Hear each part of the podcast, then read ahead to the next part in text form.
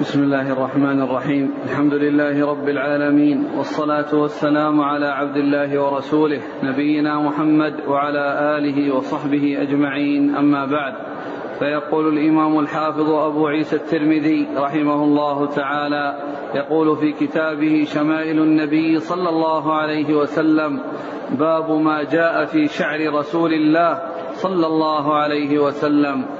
قال حدثنا علي بن حجر قال أخبرنا إسماعيل بن إبراهيم عن حميد عن أنس بن مالك رضي الله عنه أنه قال كان شعر رسول الله صلى الله عليه وسلم إلى نصف أذنيه.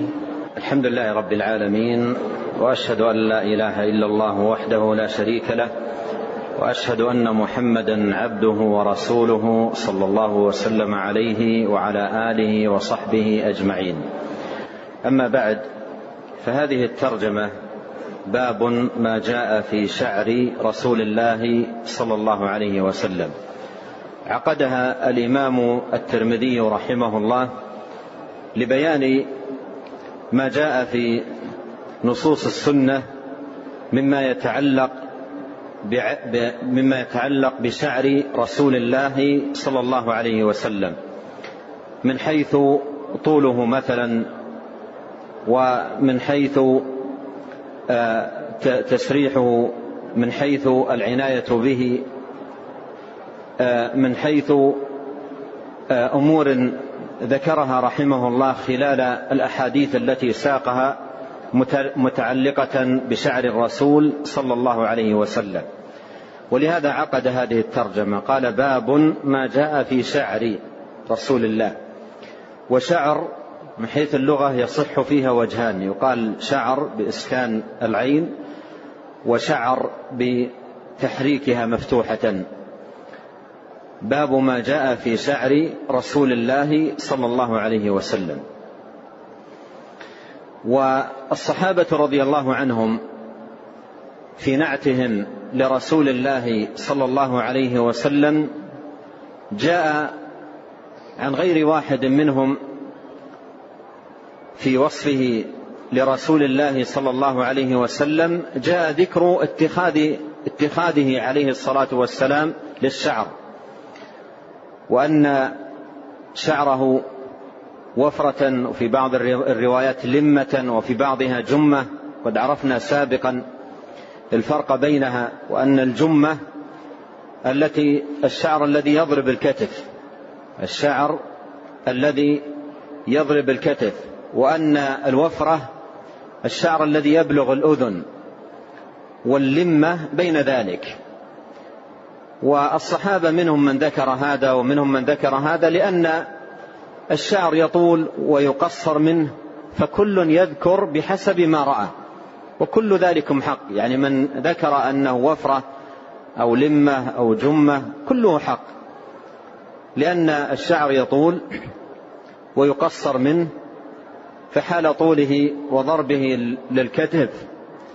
ملامسته للكتف يكون جمة وإذا كان دون ذلك يكون لمة وإذا كان إلى الأذن يكون وفرة. وعلى كل هذه الأحوال كان شعر رسول الله صلى الله عليه وسلم باختلاف الأحوال. وكان عليه الصلاة والسلام يبقي شعره. وذكر ابن القيم رحمه الله تعالى أنه لم يحفظ عنه صلى الله عليه وسلم حلقه إلا في نسك. لم يحفظ عنه حلقه أي أي أي, أي كاملا. لم يحفظ عنه ذلك إلا في نسك يعني حج أو عمرة.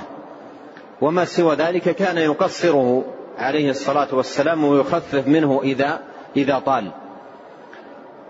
والأصل أن أن يبلغ كتفه عليه الصلاة والسلام. فإذا طال أخذ منه صلى الله عليه وسلم وخفف منه.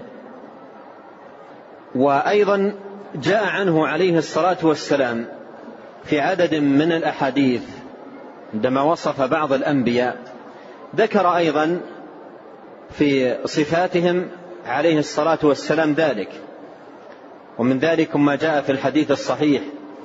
عندما ذكر عليه الصلاة والسلام صفة موسى عليه السلام قال فآدم جسيم سبط. آدم ذكر أنه آدم وأنه جسيم وأنه سبط ومعنى سبط أي سبط الشعر.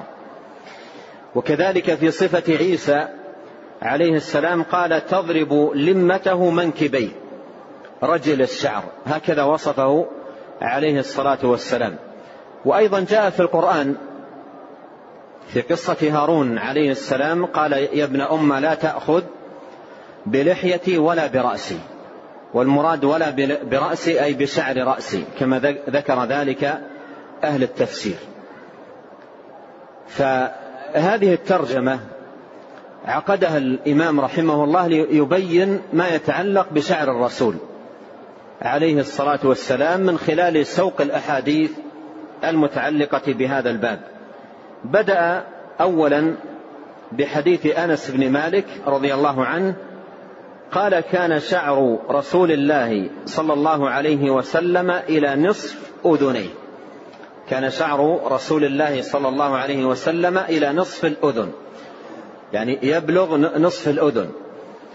وفي بعض الأحاديث كان شعره جمة والجمة عرفناها أنه ما يلامس الكتف أو يضرب الكتف يقال له جمة. وأهل العلم في التوفيق بين هذا وهذا منهم من قال إن هذا باختلاف الأحوال. إن هذا باختلاف الأحوال. يعني من رآه وقد طال شعره إلى أن بلغ الكتف وصفه بأنه جمة ومن رآه دون ذلك وصفه بما رآه باختلاف الأحوال. وبعض أهل العلم ذهب, في الت... ذهب إلى التوفيق والجمع بين الأحاديث. فقال من قال أن شعره إلى نصف الأذن كما في حديث أنس هنا باعتبار النظر إلى شعره من جهة الأذن. باعتبار النظر من شعر إلى شعره من جهة الأذن. ومن قال إنه جمة باعتبار النظر إلى شعره من جهة الخلف.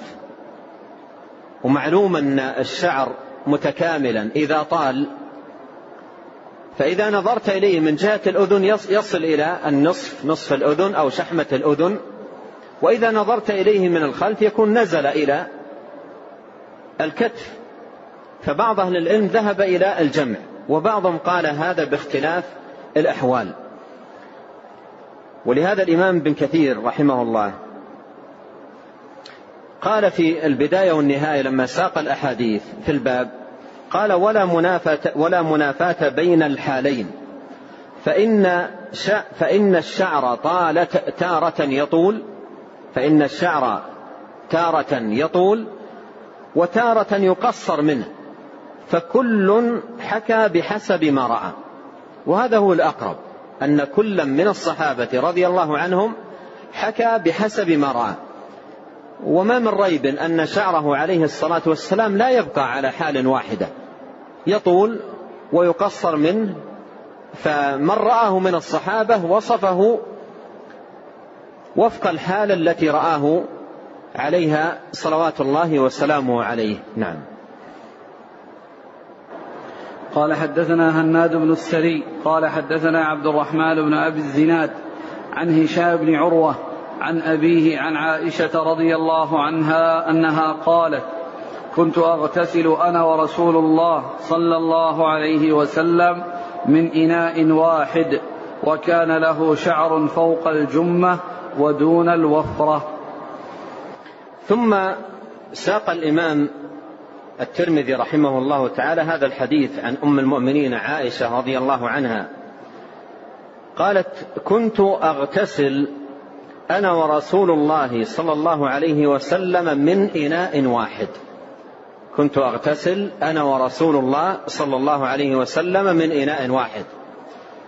وهذا فيه جواز آه، غسل الزوجين في وقت واحد ومن إناء واحد. وفي موضع واحد. تقول كنت أغتسل أنا ورسول ورسول الله صلى الله عليه وسلم من إناء واحد وكان له شعر فوق الجمة ودون الوفرة. وله شعر فوق الجمة ودون الوفرة. فوق الجمة ودون الوفرة هذا الوصف ليس باعتبار صفة الشعر نفسه وإنما باعتبار المحل وإنما باعتبار المحل. قالت فوق الجمة فوق الجمة ودون الوفرة يعني وسط. ليس وفرة ولا جمة وعرفنا فيما سبق أن مثل هذا يوصف بأنه لمة هو الذي بين الوفرة والجمة يقال له لمة. فيتقول رضي الله عنها كان له شعر فوق الجمة. فوق الجمة هنا باعتبار المحل. وباعتبار باعتبار المحل تقول كان شعره فوق الجمة. يعني لا يلامس الكتف. لا يلامس الكتف لأن الجمة هي هو ما لامس الكتف. وإنما فوقه. فوقه باعتبار المحل الذي يكون يصل إليه الشعر. فوقه ودون الوفرة يعني أنزل من الوفرة وفوق الجمة بمعنى أنه وسط بين ذلك. وعرفنا فيما سبق توفيق أهل العلم بين هذه الأحاديث وأن كل من الصحابة يصف بحسب ما رأى. ومعلوم أن الشعر يطول ويقصر منه فكل يصف بحسب ما رأى من شعره صلوات الله وسلامه عليه. هذا الحديث أورده الإمام الترمذي في كتابه الجامع وقال هذا حديث حسن صحيح غريب من هذا الوجه. وقد روي من غير وجه عن عائشة أنها قالت كنت أغتسل أنا ورسول الله صلى الله عليه وسلم من إناء واحد ولم يذكروا فيه هذا الحرف. روي من غير وجه عن عائشة رضي الله عنها كنت أغتسل أنا ورسول الله صلى الله عليه وسلم في إناء واحد ولم يذكروا هذا الحرف. أي لم يذكروا قول قولها وكان له شعر فوق الجمة ودون الوفرة. قال ولم يذكروا فيه هذا الحرف وكان له شعر فوق الجمة ودون الوفرة. وإنما ذكره عبد الرحمن ابن أبي الزناد. وهو عندنا هنا في الإسناد. وهو ثقة حافظ كان مالك بن أنس يوثقه ويأمر بالكتابة عنه. ومراد الترمذي رحمه الله رحمه الله تعالى أن يثبت صحة هذه الزيادة. وأن عبد الرحمن ابن أبي زياد ثقة حافظ وتكون زيادته زيادة ثقة. يضاف إلى ذلك يضاف إلى ما ذكر الترمذي رحمه الله أن ابن أن ابن معين قال عن عبد الرحمن بن أبي الزناد قال أثبت الناس في هشام. قال أثبت الناس في هشام. فهذه الزيادة زيادة صحيحة وثابتة وهي قول عائشة رضي الله عنها وكان له شعر فوق الجمة ودون الوفرة وعرفنا معنى ذلك والتوفيق بينه وبين الروايات الأخرى الواردة في الباب. نعم.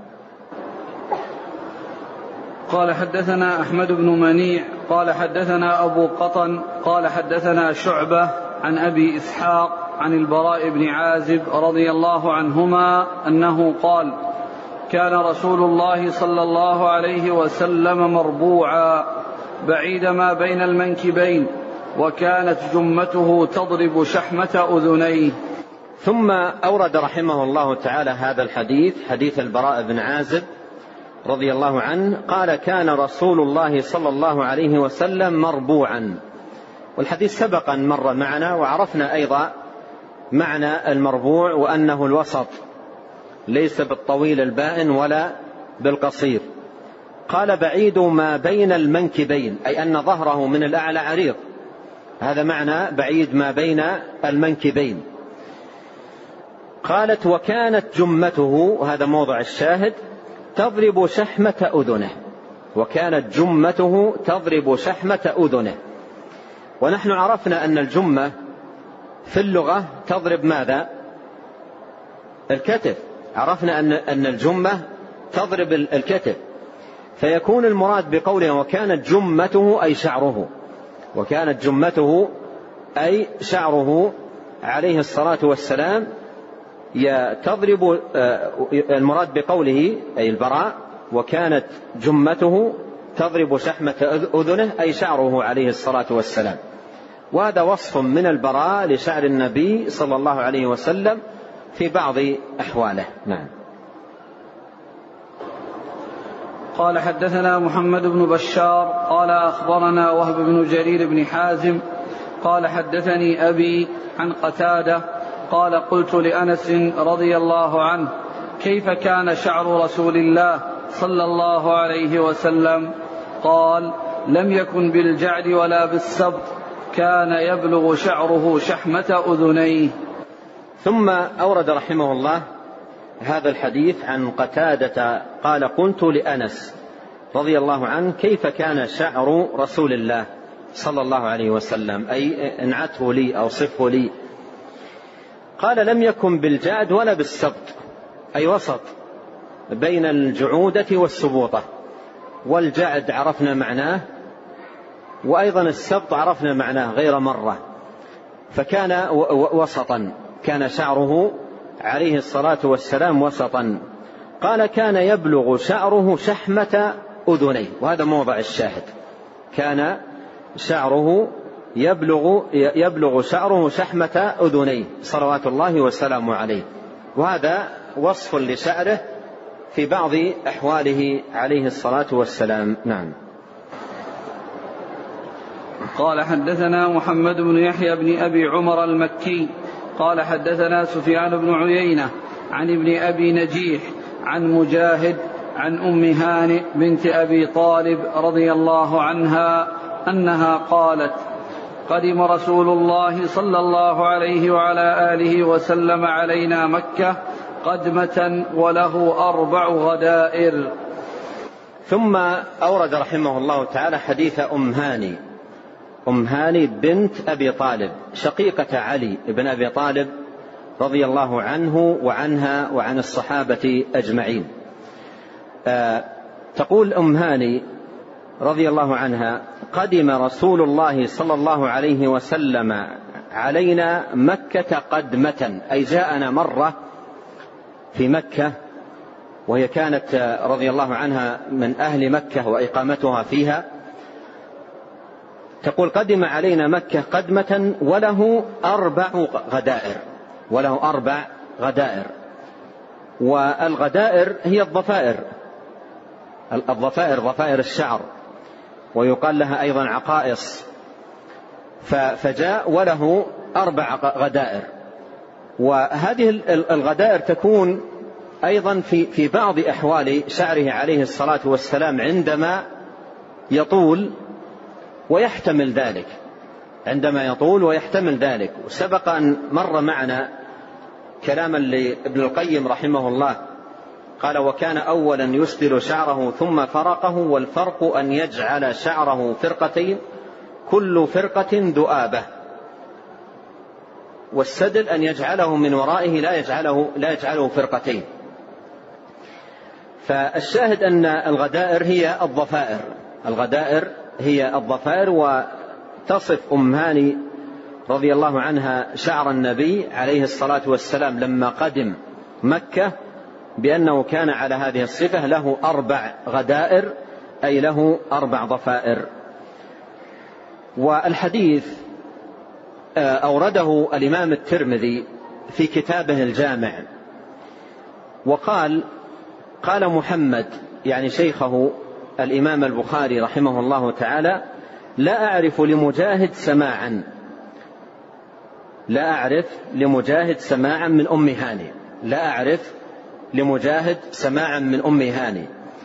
والحديث صححه جماعة من أهل العلم وحسنه الإمام الترمذي رحمه الله تعالى. وممن صححه ابن القيم رحمة الله عليه في كتابه الزاد. وبمطالعة ترجمة مجاهد رحمه الله نجد أنه ولد سنة واحد وعشرين. ولد سنة واحد وعشرين. وفي ترجمة أم هاني ذكروا أنها عاشت بعد علي ردها أو عاشت بعد علي رضي الله عنه دهرا يعني مدة بعد وفاة علي. وعلي رضي الله عنه مات سنة أربعين. وهي عاشت بعد علي دهرا أي مدة من الزمان كما ذكر ذلك في ترجمتها. ومجاهد رحمه الله تعالى مكي مجاهد رحمه الله مكي وأم هاني أيضا مكية وحياتها في مكة فلقي مجاهد لها محتمل جدا. والحديث كما عرفنا صحح جماعة من أهل العلم منهم العلامة ابن القيم في الزاد وأيضا غيره من أهل العلم. نعم. قال حدثنا سويد بن نصر قال حدثنا عبد الله بن المبارك عن معمر عن ثابت البناني عن أنس رضي الله عنه أن شعر رسول الله صلى الله عليه وعلى آله وسلم كان إلى أنصاف أذنيه. ثم أورد رحمه الله هذا الحديث حديث أنس وقد تقدم من طريق أخرى في صدر الترجمة. وهنا قال آه، وهنا لفظه كان إلى أنصاف أذنيه إلى أنصاف أذنيه. وأنصاف جمع والأذنين مفرد. أنصاف جمع والأذنين مفرد. وهذه الإضافة سائغة لغة مثل فقد صغت قلوبكما مثل والسارق والسارقة فاقطعوا أيديهما يعني عطف الجمع على المثنى. والمعنى هنا هو المعنى الذي مر معنا في الرواية التي في صدر هذه الترجمة. نعم. قال حدثنا سويد بن نصر قال حدثنا عبد الله بن المبارك عن يونس بن يزيد عن الزهري قال أخبرنا عبيد الله بن عبد الله بن عتبة عن ابن عباس رضي الله عنهما أن رسول الله صلى الله عليه وعلى آله وسلم كان يسدل شعره وكان المشركون يفرقون رؤوسهم وكان أهل الكتاب يسدلون رؤوسهم. وكان يحب موافقة أهل الكتاب فيما لم يؤمر فيه بشيء ثم فرق رسول الله صلى الله عليه وعلى آله وسلم رأسه. ثم أورد رحمه الله تعالى هذا الحديث عن ابن عباس رضي الله عنهما أن رسول الله صلى الله عليه وسلم كان يسدل شعره. يسدله أي يرسله يتركه مرسلا. يتركه مرسلا أي على حالة.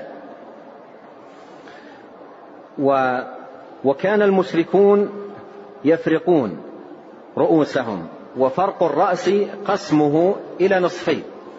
فرق الرأس يعني من من وسط الرأس المفرق يقسم الشعر إلى نصفين. نصف يذهب جهة اليمين ونصف يذهب إلى جهة اليسار. هذا يسمى فرق. قال وكان المشركون يفرقون رؤوسهم وكان أهل الكتاب يسدلون رؤوسهم. وكان يحب موافقة أهل الكتاب فيما, لا فيما لم يؤمر ب فيما لم يؤمر فيه بشيء. قال ثم فرق رسول الله صلى الله عليه وسلم رأسه أي أنه بعد ذلك صار إلى أن يفرق رأسه عليه الصلاة والسلام. ولهذا قال الحافظ بن حجر كان الفرق آخر الأمرين من فعله. كان الفرق آخر الأمرين أي من فعله عليه الصلاة والسلام بمعنى أنه كان أول يسدل يترك الشعر مسترسلا. ثم آخر الأمر كان يفرق رأسه عليه الصلاة والسلام. وفرق الرأس قسمة. إلى نصفين من الوسط. نعم. وفي في هذا المعنى نقلت كلام ابن القيم وهو قوله وكان أولا يسدل شعره ثم فرقه. والفرق أن يجعل شعره فرقتين. نعم. وعرف نعم. معرف السدل ابن القيم قال والسدل أن يجعله من ورائه. لا يجعله فرقتين. أن يجعله من ورائه يعني مسترسلا على حال من ورائه والفرق أن يجعل الشعر فرقتين. نعم. وكان يحب موافقة أهل الكتاب. كان يحب موافقة أهل الكتاب لأن أهل الكتاب آه، لديهم كتاب. يعني جملة من أعمالهم قد تكون باقية على العمل بالكتاب الذي كانوا عنده كان عندهم. فلهذا كان عليه الصلاة والسلام يحب موافقة أهل الكتاب باعتبار أن لهم كتاب. وإن كان دخله تحريف ودخله لكن باعتبار أن لهم كتاب. بينما المشركين دينهم برمته دين آه، حادث ونابت ونشأ من أفكار الناس وعقولهم وتخرصاتهم. أما دين أهل الكتاب في الأصل دين منزل لكنه اعتراه ودخله التحريف والتغيير والتبديل. نعم. قال حدثنا محمد بن بشار قال حدثنا عبد الرحمن بن مهدي عن إبراهيم بن نافع المكي عن ابن أبي نجيح عن مجاهد عن أم هانئ رضي الله عنها أنها قالت رأيت رسول الله صلى الله عليه وعلى آله وسلم ذا ضفائر أربع. وهنا أعاد رحمه الله حديث أم هانئ وقد تقدم الكلام على معناه وما يتعلق به. آه، قبل الدخول في الترجمة الجديدة نعود قليلا إلى ترجمة السابقة باب ما جاء في ختم النبوة. الحديث الأول حديث الجعد بن عبد الرحمن قال سمعت السائب بن يزيد. الجعد آه، فيما يتعلق باسمه يذكر تارة مصغر وتارة مكبر كما هنا. يقال الجاد ويقال الجعيد. ولهذا في بعض المصادر يذكر بالتصغير وفي بعضها يذكر بالتكبير. والبخاري رحمه الله روى عنه قال عن الجعيد بن عبد الرحمن قال رأيت السائب بن يزيد ابن أربع وتسعين جلدا معتدلا فقال قد علمت ما متعت به سمعي وبصري إلا بدعاء رسول الله صلى الله عليه وسلم. والسائب آخر من مات بالمدينة من الصحابة. آخر من مات بالمدينة من الصحابة توفي سنة إحدى وتسعين وهو ابن ست وتسعين سنة. الحديث آه، رقم 21 في هذه في في في في هذا الباب. حدثنا أبو عمار الحسين بن حريث الخزاعي قال حدثنا علي بن حسين بن واقد. ومر معنا ما يتعلق بهذه الرواية وأيضا أنها بحاجة إلى دراسة. فأحب أن نؤكد على موضوع دراسة هذه الرواية وأشير إلى بعض الأمور التي وقفت عليها تفيد في هذا الباب. الإمام أحمد فيما يتعلق بعلي بن حسين بن واقد نقل عنه أنه قال عبد الله بن بريدة الذي روى عنه حسين بن واقد ما أنكرها. يعني روايات حسين بن واقد عن ابن بريدة آه، روايات منكرة استنكرها الإمام أحمد رحمه الله. قال ما أنكرها. قال ابن أبي حاتم يعني الأحاديث التي رواها حسين عنه. ومرة سئل رحمه الله عن حديث حسين بن واقد عن ابن بريدة فنفض يديه وقال ليست بشيء.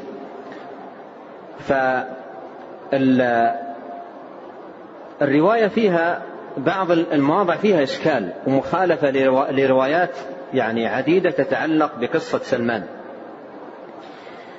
وقد أورد أو روى الحاكم رحمه الله في المسند الحاكم في المستدرك من حديث عفان قال حدثنا حماد بن سلمة عن عاصم بن سليمان وعلي بن زيد بن جدعان عن أبي عثمان النهدي عن سلمان قال كاتبت أهلي على أن أغرس لهم خمسين فسيلة خمسمائة فسيلة.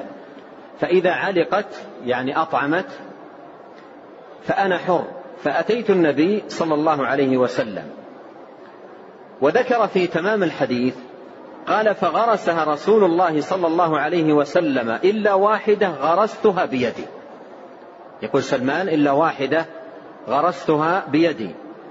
فعلقت جميعا إلا التي غرست بيدي. فعلقت جميعا إلا التي غرست بيدي. وهذه الرواية التي عند الحاكم أصح من هذه الرواية. ولهذا أعيد وأقول أن هذا النص الذي هنا يحتاج إلى دراسة وعناية من بعض طلاب العلم. في نهاية الكلام على هذه الترجمة بالأمس انقطع الحديث وكنت أشير إلى آه، بعض الروايات الواهية في الباب. وأغنانا الله عز وجل بما صح وثبت عما لم يصح. ولهذا يذكر أشياء واهية أو أشياء مبنية على أحاديث واهية وضعيفة وأشياء لا أصل لها فكل ذلك الواجب أن يطرح وأن يعتمد فقط على ما جاء في الأحاديث الصحاح الثابتة. ومن الأشياء التي لا تصح أن الخاتم شامة سوداء في بعضها أنه شامة خضراء لونه أخضر وفي بعضها أنه مكتوب عليه محمد رسول الله. وهذا اشتباه ممن قال هذا بالخاتم الذي في يده عليه الصلاة والسلام الذي كان يختم به صلى الله عليه وسلم. وفي بعضها قالوا أنه مكتوب عليه سر فإنك منصور وأشياء من هذا القبيل. فكل هذا الذي جاء في الروايات التي لا تصح كل هذا يترك ويقتصر ويعتمد على ما صح وثبت في الأحاديث الصحيحة الثابتة. نعم. قال رحمه الله تعالى باب ما جاء في ترجل رسول الله صلى الله عليه وسلم. قال حدثنا إسحاق بن موسى الأنصاري. قال أخبرنا معن بن عيسى. قال أخبرنا مالك بن أنس عن هشام بن عروة عن أبيه عن عائشة رضي الله عنها أنها قالت كنت أرجل رأس رسول الله صلى الله عليه وسلم وأنا حائض. ثم عقد الإمام الترمذي رحمه الله تعالى هذه الترجمة باب ما جاء في ترجل رسول الله صلى الله عليه وسلم. والترجل هو تسريح الشعر وتنظيفه والعناية به. يقال له ترجل. والنبي عليه الصلاة والسلام كان يعنى بشعره صلى الله عليه وسلم وكان تارة يرجله بنفسه وتارة ترجله له عائشة رضي الله عنها وبعض أزواجه عليه الصلاة والسلام. ف وترجيل الشعر هو تمشيطه وتسريحه وتعاهده والعناية به. وكان هديه عليه الصلاة والسلام في هذا الباب هدي وسط. لا إفراط ولا تفريط. ليس كحال من همه شعره ويستغرق منه عنايته بشعره أوقاتا طويلة ومرات متكررة في أيامه ولا أيضا كحال من يهمل شعره ولا يعتني به. فكان هديه عليه الصلاة والسلام في هذا في هذا هديا وسطا. وفي كل الأمور عليه الصلاة والسلام هديه هدي وسط. ولهذا كان يأتي في نهاية الترجمة كان يترجل غبا. كان يترجل غبا. والغب المراد به يوم من بعد يوم. ومرة من بعد مرة فلا لا لم يكن يهمله لم يكن يهمله ويتركه شعثا. ولا أيضا يعتني عناية به عناية مفرطة مستمرة. لم يكن لا هذا ولا هذا وإنما كان عليه الصلاة والسلام هديه في هذا الباب هديا وسطا. وكان عليه الصلاة والسلام ينهى من يرى شعره شعثا. الشعث هو المتطاير وقد رأى مرة عليه الصلاة والسلام كما جاء في حديث جابر بن عبد الله رأى رجلا شعثا فقال ألم يجد هذا ماء يصلح به شعره أو ما يصلح به شعره؟ فالشاهد أن علي أنه عليه الصلاة والسلام هديه في هذا الباب هدي وسط بين الإفراط والتفريط. أورد رحمه الله تعالى حديث أم المؤمنين عائشة قالت كنت أرجل رأس رسول الله صلى الله عليه وسلم وأنا حائض. كنت أرجل رأس رسول الله صلى الله عليه وسلم وأنا حائض. ومرادها برأسه أي شعر رأسه عليه الصلاة والسلام. وأنا حائض. وهذا فيه آه جواز هذا الأمر ومشروعيته. وفيه أيضا ملامسة الحائض لزوجها وملامسته لها. وإتيانها فيما دون الجماع وأن الحائض ليست ليس جسمها بنجس. فعائشة رضي الله عنها تقول كنت أرجل رأس رسول الله أي أسرحه وأمشطه وأنا حائض. وقولها وأنا حائض تنبه أن حتى وإن كانت المرأة على هذه الحال فلا حرج. ولا يضر ذلك في ملامستها لزوجها أو ملامسة زوجها لها. نعم. قال وروى مالك عن ابن شهاب عن عروة عن عائشة مثله. نعم. قال حدثني يوسف بن عيسى قال أخبرنا وكيع قال حدثنا الربيع بن صبيح عن يزيد بن أبان هو الرقاشي. عن أنس بن مالك رضي الله عنه أنه قال كان رسول الله صلى الله عليه وعلى آله وسلم يكثر دهن رأسه وتسريح لحيته ويكثر القناع حتى كأن ثوبه ثوب زيات. ثم أورد رحمه الله تعالى هذا الحديث حديث أنس بن مالك قال كان رسول الله صلى الله عليه وسلم يكثر دهن رأسه وتسريح لحيته ويكثر القناع حتى كأن ثوبه ثوب زيات. الزيات الذي يشتغل بالزيت ودائما يلامس الزيت وعمله في الزيت. فمن كان على هذه الحال يكون على ثيابه بقع وفي وآثار من الزيت الذي هو يتعامل معه.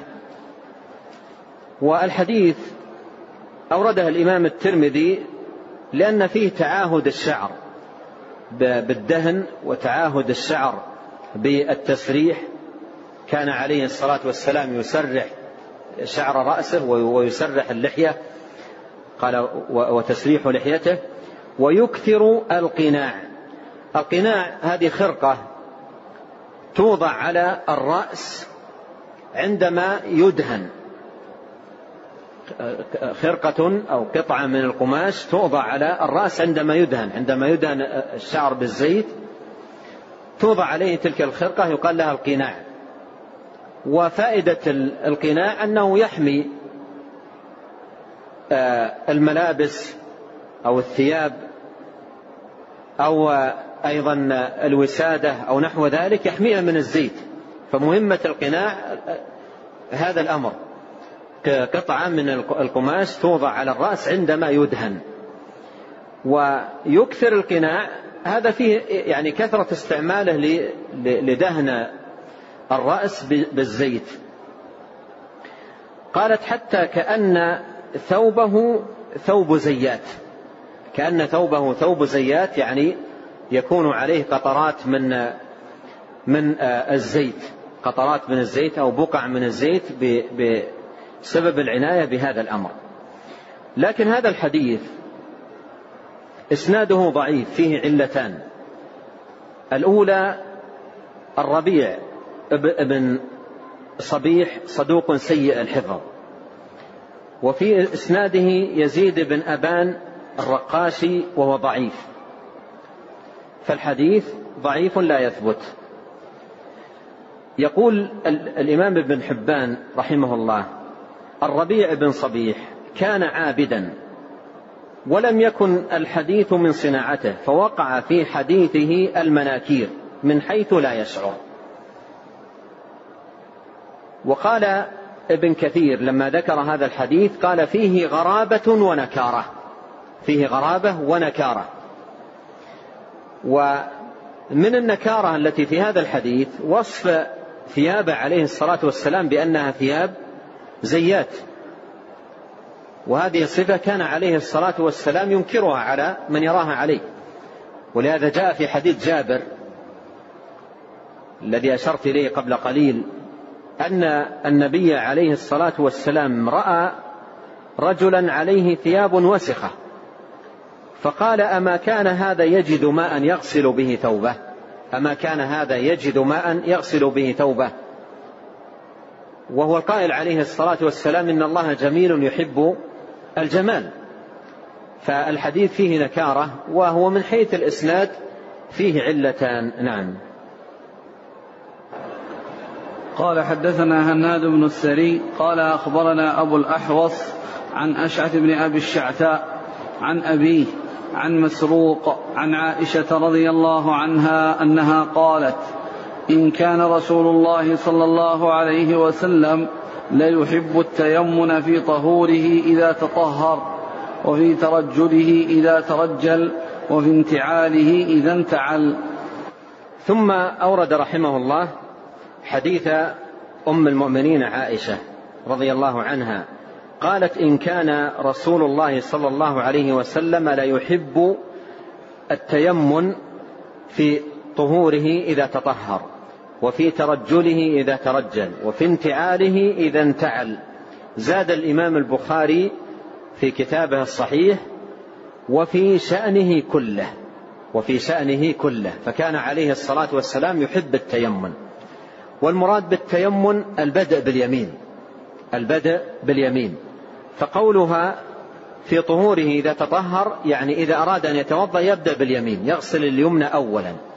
يده, يده اليمنى. إذا أراد أن يغسل رجليه بدأ عليه الصلاة والسلام بالرجل اليمنى. وفي ترجله إذا ترجل يعني إذا رجل شعر رأسه يبدأ بالشق الأيمن قبل الأيسر.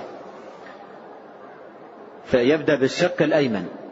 وأيضا عندما يدهن الرأس يبدأ بالشق الأيمن كذلك عندما يحلق يبدأ بالشق الأيمن.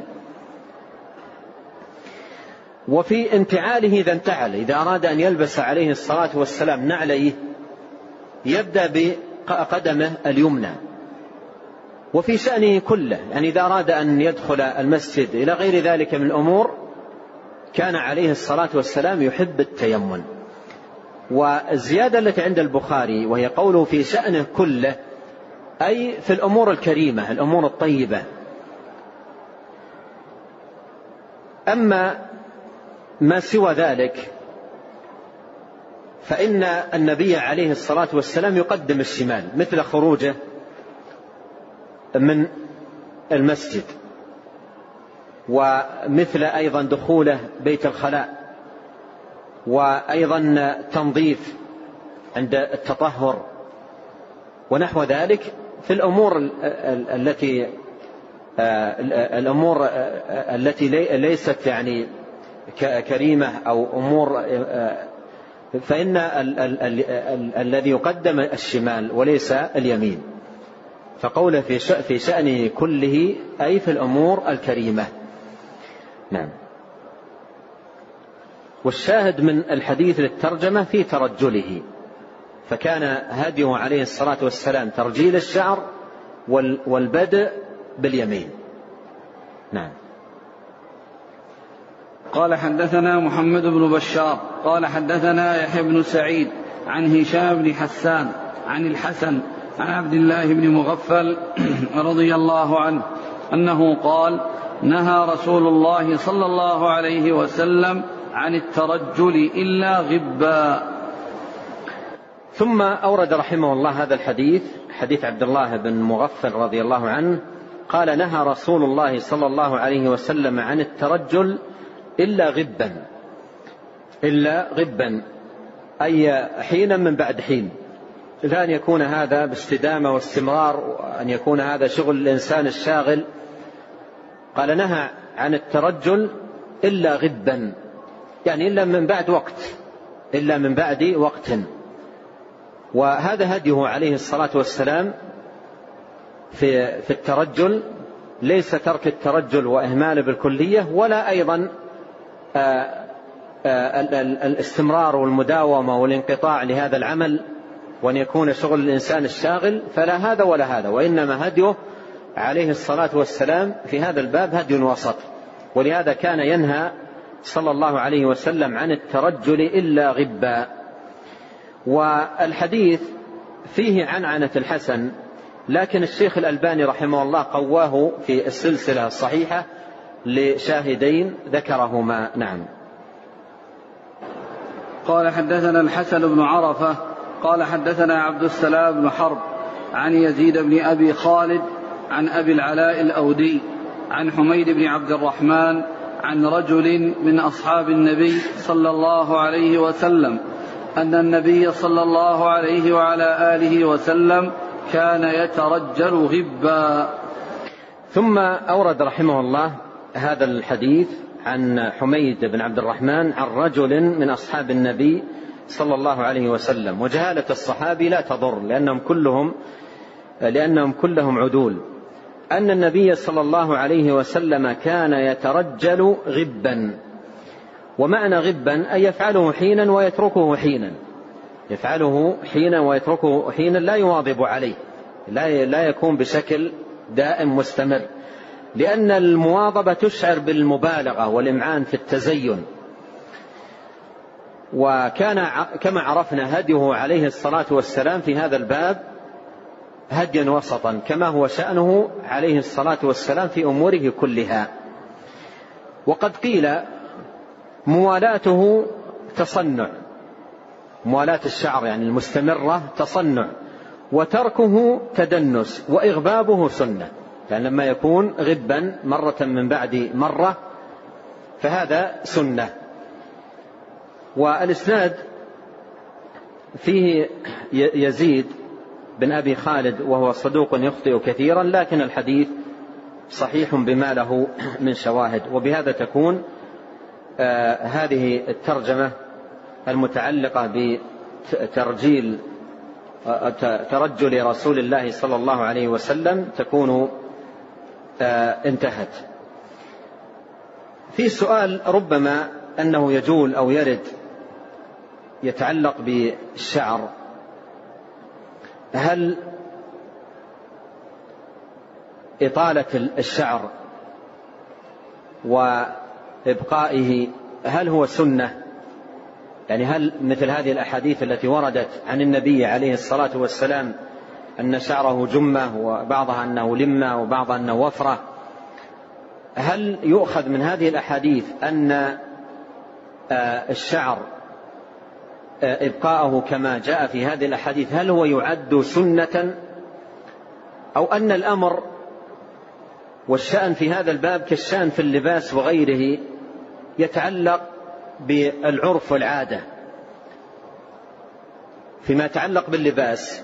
النبي عليه الصلاة والسلام قال البس ما شئت من غير إسراف ومخيلة فاللباس يخضع لعادة الناس في في بلدهم، المهم ألا يكون في اللباس مخالفة لهديه صلوات الله وسلامه عليه، لا يكون مثلا من حرير بالنسبة للرجال، ولا يكون مسبلا أسفل الكعبين ونحو ذلك. البس ما شئت من غير إسراف ولا مخيلة. فهل آآ آآ ترك شعر الرأس سنة بمعنى أنه يسن الإنسان أن يبكي شعر رأسه أو أن هذا الأمر يتعلق بالعادة بمعنى أنه في زمنه عليه الصلاة والسلام كانت العادة عندهم إبقاء الشعر وتتغير العادة بين وقت وآخر وبين مجتمع وآخر. فهنا سؤال وهو هل هذا سنة أو أنه يخضع للعادات؟ والأقرب والله تعالى أعلم الثاني.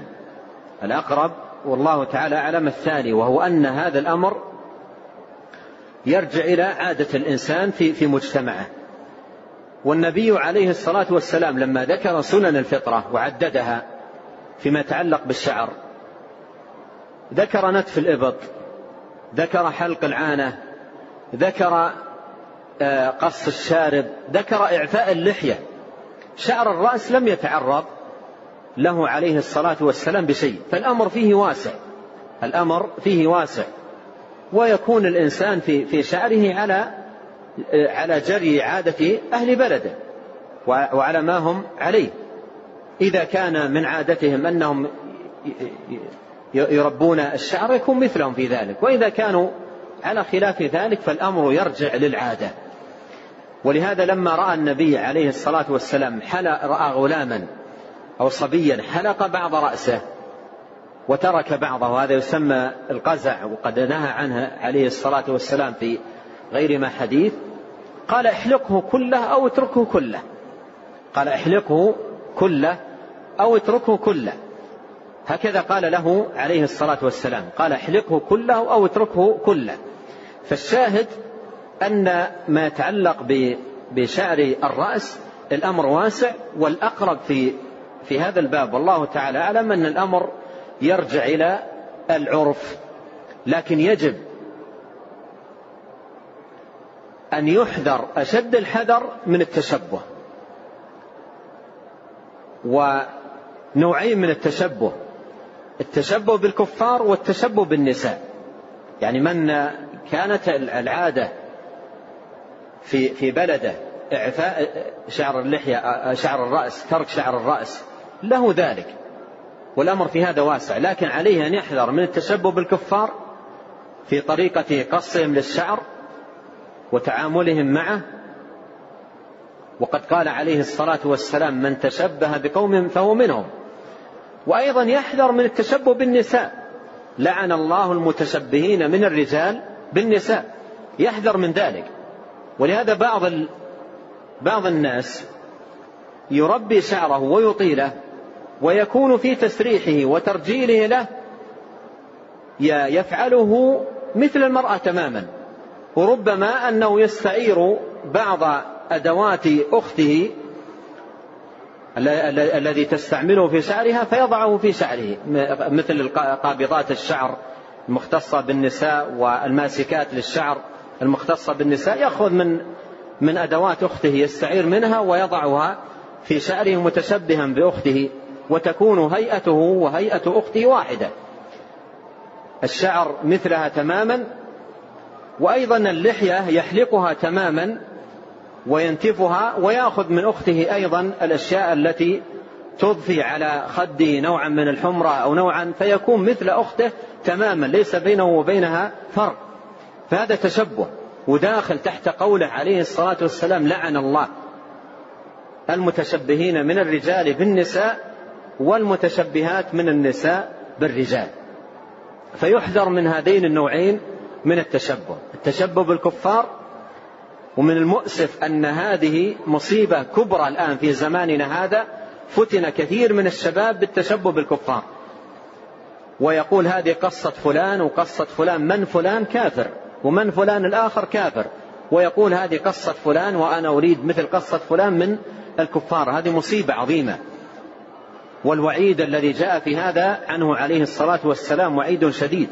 قال من تشبه بقوم فهو منهم. وبعض الشباب الذين يقصون الذين يوفرون الشعر ويتعاملون معه هذه المعاملة ويتشبهون فيه بالكفار إذا سئل بعضهم يقول الشعر سنة. شعر الرأس سنة. وتجد الصلاة اللي هي فرض مضيعها.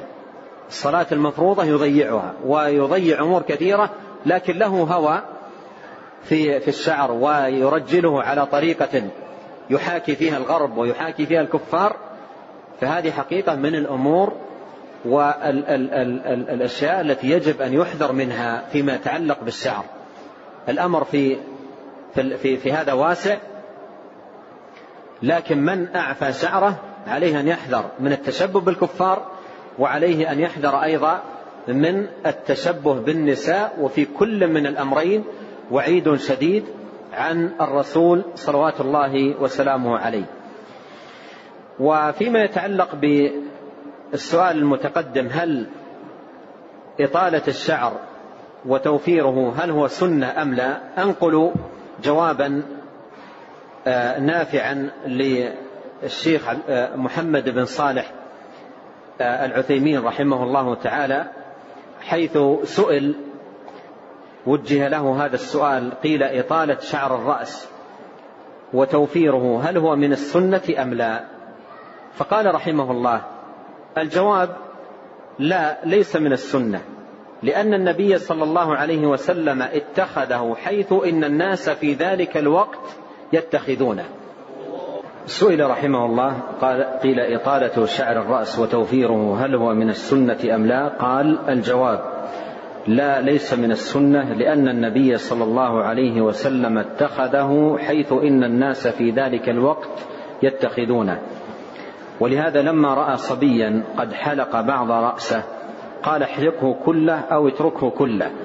ولو كان الشعر مما ينبغي اتخاذه لقال أبقه. وعلى هذا فنقول اتخاذ الشعر ليس من السنة. لكن إن كان الناس يعتادون ذلك فافعل. وإلا فافعل ما يعتاده الناس. لأن السنة قد تكون سنة بعينها وقد تكون سنة بجنسها. فمثلا الألبسة إذا لم تكن محرمة والهيئات إذا لم تكن محرمة السنة فيها اتباع ما عليه الناس. لأن النبي صلى الله عليه وسلم فعلها اتباعا لعادة الناس. فنقول الآن جرت عادة الناس ألا يتخذ الشعر. ولذلك علماؤنا الكبار أول ما نذكر من العلماء الكبار شيخنا عبد الرحمن بن سعدي وكذلك شيخنا عبد العزيز بن باز وكذلك المشايخ الآخرون كالشيخ محمد بن إبراهيم وإخوانه وغيرهم من كبار العلماء لا يتخذون الشعر لأنهم لا يرون أن هذا سنة. ونحن نعلم أنهم لو رأوا أن هذا سنة لكانوا من أشد الناس تحريا لاتباع السنة. فالصواب أنه تبع لعادة الناس. إن كنت في مكان يعتاد الناس فيه اتخاذ الشعر فاتخذه وإلا فلا. انتهى كلامه. رحمه الله تعالى والله تعالى أعلم وصلى الله وسلم على عبده ورسوله نبينا محمد وآله وصحبه. جزاكم الله خيرا وبارك الله فيكم ألهمكم الله الصواب وفقكم الحق نفعنا الله ما سمعنا وغفر الله لنا ولكم وللمسلمين أجمعين. آه، هنا تنبيه بالنسبة للإخوة الراغبين في الحصول على نسخة من كتاب شمائل النبي صلى الله عليه وسلم فتوجد في مكتب التوعية الواقع بباب رقم سبعة. مكتب التوعية بباب رقم سبعة مدخل الساحات الغربية. بالقرب من مقر الشرطة. وساعات التوزيع من الغد من الساعة الخامسة إلى الساعة السابعة بعد العصر وبعد صلاة العشاء. الموقع مرة ثانية موقع توزيع الكتاب في باب رقم سبعة مدخل الساحات الغربية بالقرب من مقر الشرطة. وساعات التوزيع من الغد من الساعة الخامسة إلى السابعة بعد العصر وبعد صلاة العشاء. هنا السائل النهي عن الترجل إلا غبا هل يدخل فيه النساء؟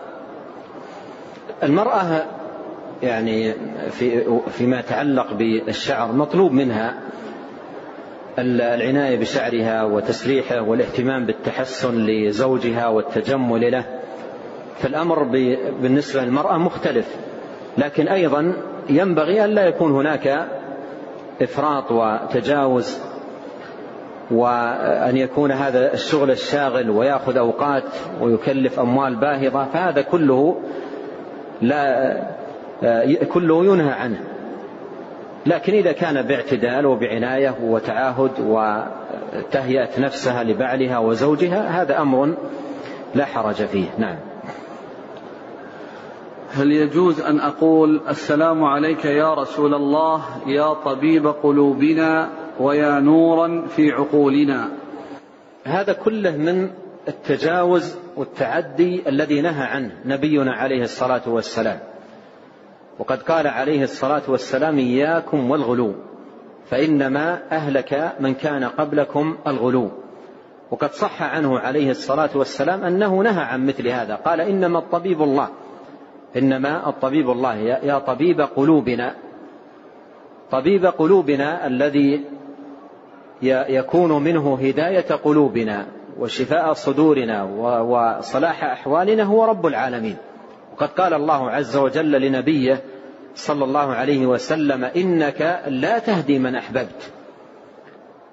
لا تملك طب قلب من أحببت صلاح قلبه. هذا بيد الله. إنك لا تهدي من أحببت. ولكن الله يهدي من يشاء. وقال جل وعلا وما أكثر الناس ولو حرصت بمؤمنين. وقد حرص عليه الصلاة والسلام على هداية عمه وحاول إلى لحظات الموت وهو يجتهد في ذلك ومات عمه وهو يقول على ملة عبد المطلب. ونزل في تسليته عليه الصلاة والسلام قول الله تعالى إنك لا تهدي من أحببت ولكن الله يهدي من يشاء. فالقلوب بيد الله. وكان صلى الله عليه وسلم كما في حديث أم سلمة وغيره كان أكثر دعائه يا مقلب القلوب ثبت قلبي على دينك. تقول أم سلمة قلت له أو إن القلوب تتقلب؟